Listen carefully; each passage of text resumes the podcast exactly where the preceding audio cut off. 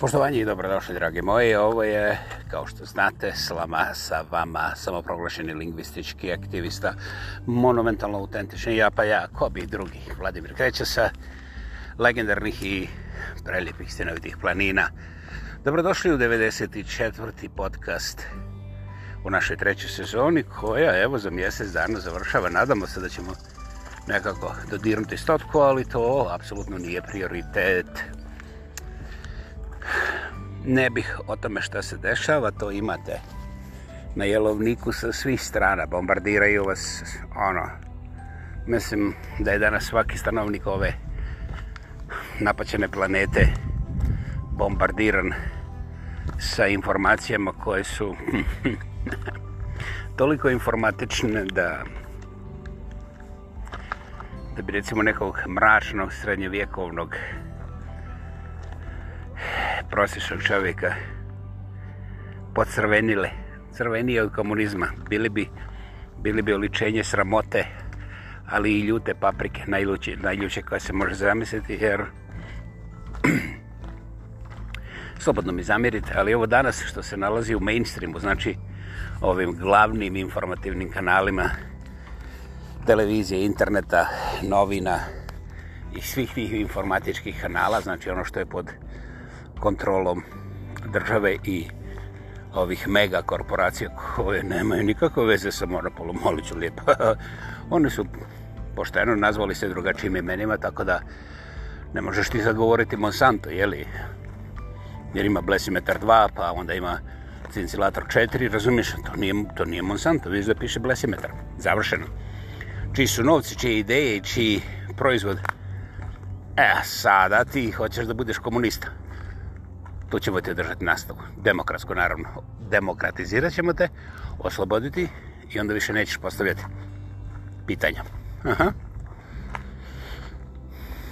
Ako vam nije jasno što sam ja govorio, onda nemate problema.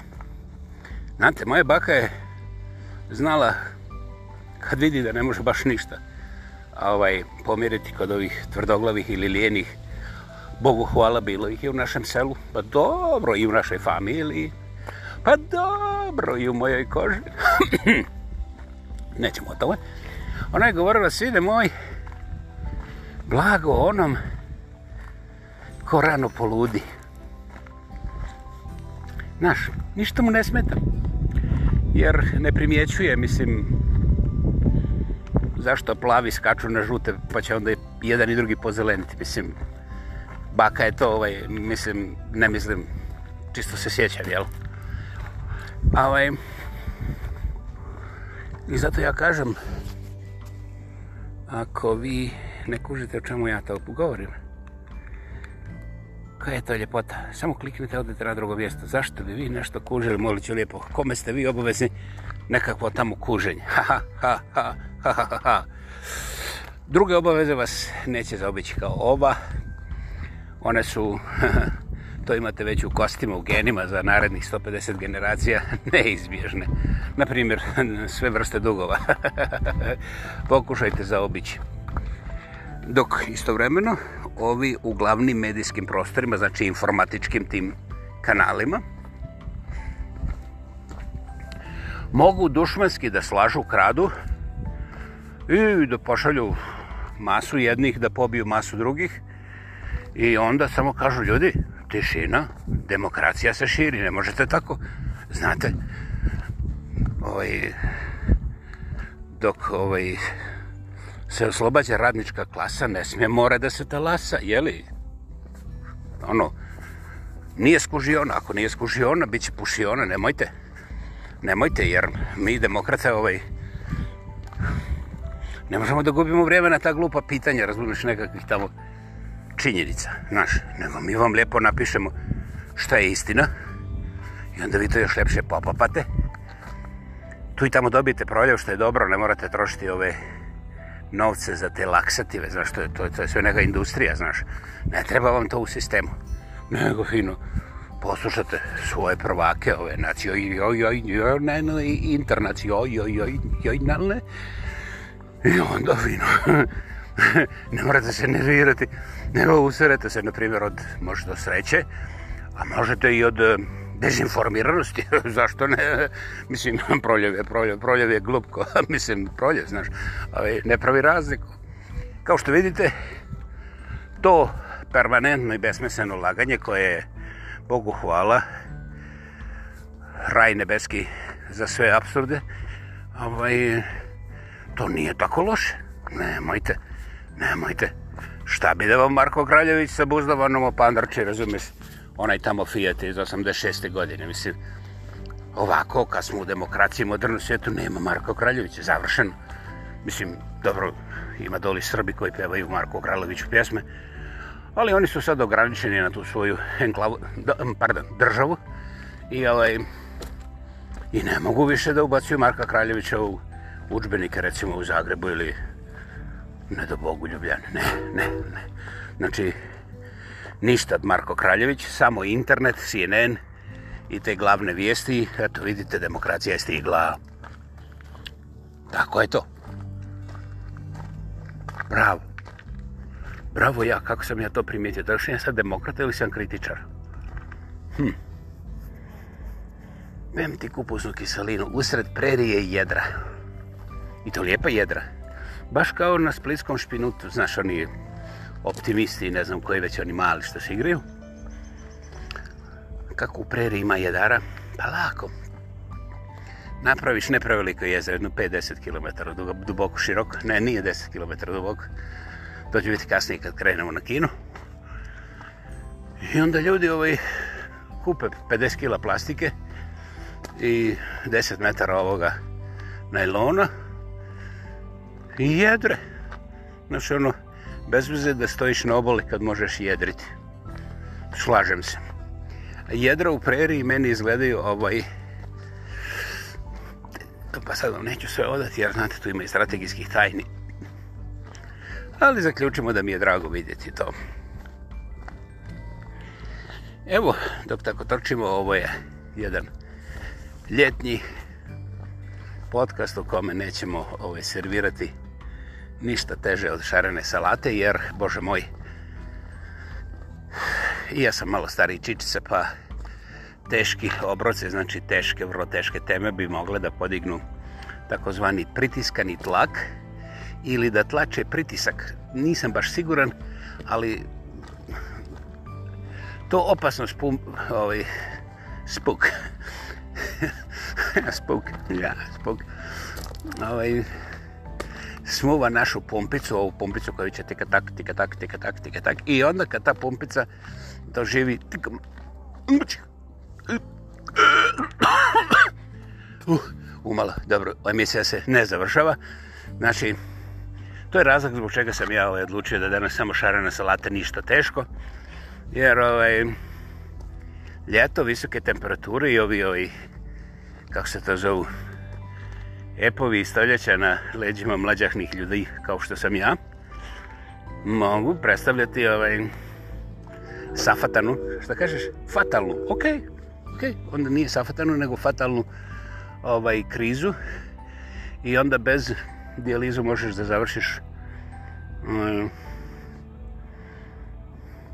evo neke su završili ovih dana ne bih o tome pa se idemo onda veseliti jedan čovac da li se zove Bradbury ja nisam siguran Peter Bradbury može biti ali on živi u Hrvatskoj već 20 godina nešto malo manje i kupio čak dvije kuće u Hrvatskoj i ovaj, pravi pravca za Englezi mislim ja sam uprovjeravao genome, fenome i sve ostale blesone. I ovaj, totalno made in England čovac. Ovaj, I on je došao u Hrvatsku da živi i da radi iz Hrvatske. I on je oduševljen sa Hrvatskom. I ja sam ga otkrio 50 dana na YouTube-u. On govori, recimo, širok spektar svega toga što je on doživio, vidio u Hrvatskoj, naravno i njegove personalne doživljaje, ali i jedno objektivno viđenje stranca koji je došao da živi u Hrvatskoj. I znaš šta? Ja sam pronašao sebe da njuškam sve o tome šta je on pisao, radio i tako dalje. Ispostavilo se da je to čovac Dobro, ja se nisam zaljubio, to može doći kasnije, recimo jednu, recimo jednu 450 godina, pa onda kad LGBT bude free za sve, onda ću moći biti muško-žensko, žensko-žensko, žensko-muško, muško-muško-žensko i onda ću također moći da kažem svom parlamentarnom predstavniku da napravi od njega žensko-žensko, muško-žensko, žensko-žensko, žensko sa muškim i ovaj, ja to govorim za 300-400 godina. Dobro, kod nekih će to desiti se za 3-4 dana, ali ja nisam tako spor. Da, da, ja sam rekao, ja nisam tako spor. Ja sam brz, seksotrz. Ja čekam lagano da se to sve ispeče, razumiješ, da sve bude sigurno. I onda, umjesto da bude muški ili ženski, ili da budem ono vjetrenjača, znaš, malo ovo, malo ono, znaš, to mi je bez veze, zato što vjetrenjača puno radi, razumiješ? A ja sam više sklon ono, legneš pa stegneš pa onda kopiton. Ne pušćaš dok te ne pustu ili sad nećemo dalje u tehnike jer onda možete da naučite nešto od mene dakle vratimo se mi ovom večovcu koji nije trošio vremena uzalo nego je baš temeljito pogledao Hrvatsku i slijeva iz desna sa svih strana zavirio ono što, što je mene apsolutno impresioniralo da li je on vidio sve ili nije vidio sve da li je negdje promršio neki detaljčić. Znate, draga moja gospoda, ovaj, ja nisam policija. Ja vama govorim da sam sreo jednog čovjeka koji je došao da živi u Englesk, eh, iz Engleska da živi u Hrvatskoj i koji je tu jednostavno zaživio na njegov način, koji razumije, hoćemo pa to reći, barem one ključne ili temeljne hrvatske specifičnosti i pritome je našao načina da živi sa njima na, za njega najkorisniji, najproduktivniji način, a da pritome ne potroši previše od svojih personalnih kapaciteta, financija, živaca, novaca, šta god hoćeš. Dakle, sama ta činjenica je mene oduševila, jer na svakom koraku što sam više gledao i čitao onome što on ima reći. Nema nikakve sumnje da on produbljava na svakom koraku svoje saznanje Aj. i da dopunjava sve one elemente u svojim pretpostavkama koje su prije bile onako neizračene, da nema problema da prizna gdje je vidio krivo, pa onda kasnije se vrati, pa se ustavno smije. Jedan čovac koga, koliko sam ja primijetio, na internetu pravi, prati, sluša i gleda nekih stotinje hiljada ljudi, toliko tomu je, tomu je pretplatički ovaj tim na YouTube-u, ispod 100 hiljada, nažalost. I ovaj, svi njegovi vlogovi su kratki, slatki i vrlo, vrlo, vrlo, vrlo informativni, praktični, često puta, pragmatični uvijek. Međutim, takav čovjek koji se ne petlja u politiku i tračeve, čovjek koji, eto, voli svoje obite, voli život, voli, voli o, te standardne klasične vrijednosti u kojoj u Hrvatskoj sreće, mislim, za obitelj, oduševljeni kako se djeca mogu igrati u moru, u jednom gradiću kao što je Jelsa, koji nije baš mali i da pritome osjeća da mu niko ništa ne govori, da osjeća potpuno a, potpuno sigurnim da se osjeća kao roditelj da pusti dijete da otrči u more sa drugom djecom i da se igraju i da ih niko ne smeta. Dakle, to je jedan čovac kojega bi trebalo pogledati. Ja vam iskreno i onako istinski uh, zdravo preporučujem ako hoćete da provedete 5-10 minuta u vrlo optimističnom raspoloženju i da vidite kako jedan tipični Englez sve to vidi i doživljava i da je to osvježavajuće. Jer njemu je sasvim jasno on u jednom momentu na televizijskom intervju hrvatske televizije govori između ostalo stvari da jedan onaj glavni nacionalni predznak prosječnog Hrvata je a, gotovo automatska sklonost negativizmu znaš onim crnim cvikerama i onda naravno odmah to ovaj, popravlja sa njegovim oduševljenjem koliko su Hrvati kada su radosni optimistični, koliko su nezaustavljivi kada dijele slavlje koliko su predani svome poslu, recimo šta je znam pomije, od Tesle pa do Rinca, neke nevjerovatne hrvatske pojedince koji su otkrili dosta toga i zadužili svijet. Ono s čime je mene nokautirao, ja, ja sam je uvjeren da znam sve o Hrvatskoj. Nemoj to nikome reći, mislim. ja sam cijelog života govorio čim ko misli da zna sve o nečemu, bilo čemu. Nemoj s njim razgovarati, gubiš vrijeme. Dobro, ali nećemo sad o detaljima. I ovaj, što je on rekao? On je rekao, tu ispriču, tu priču o Jelsi.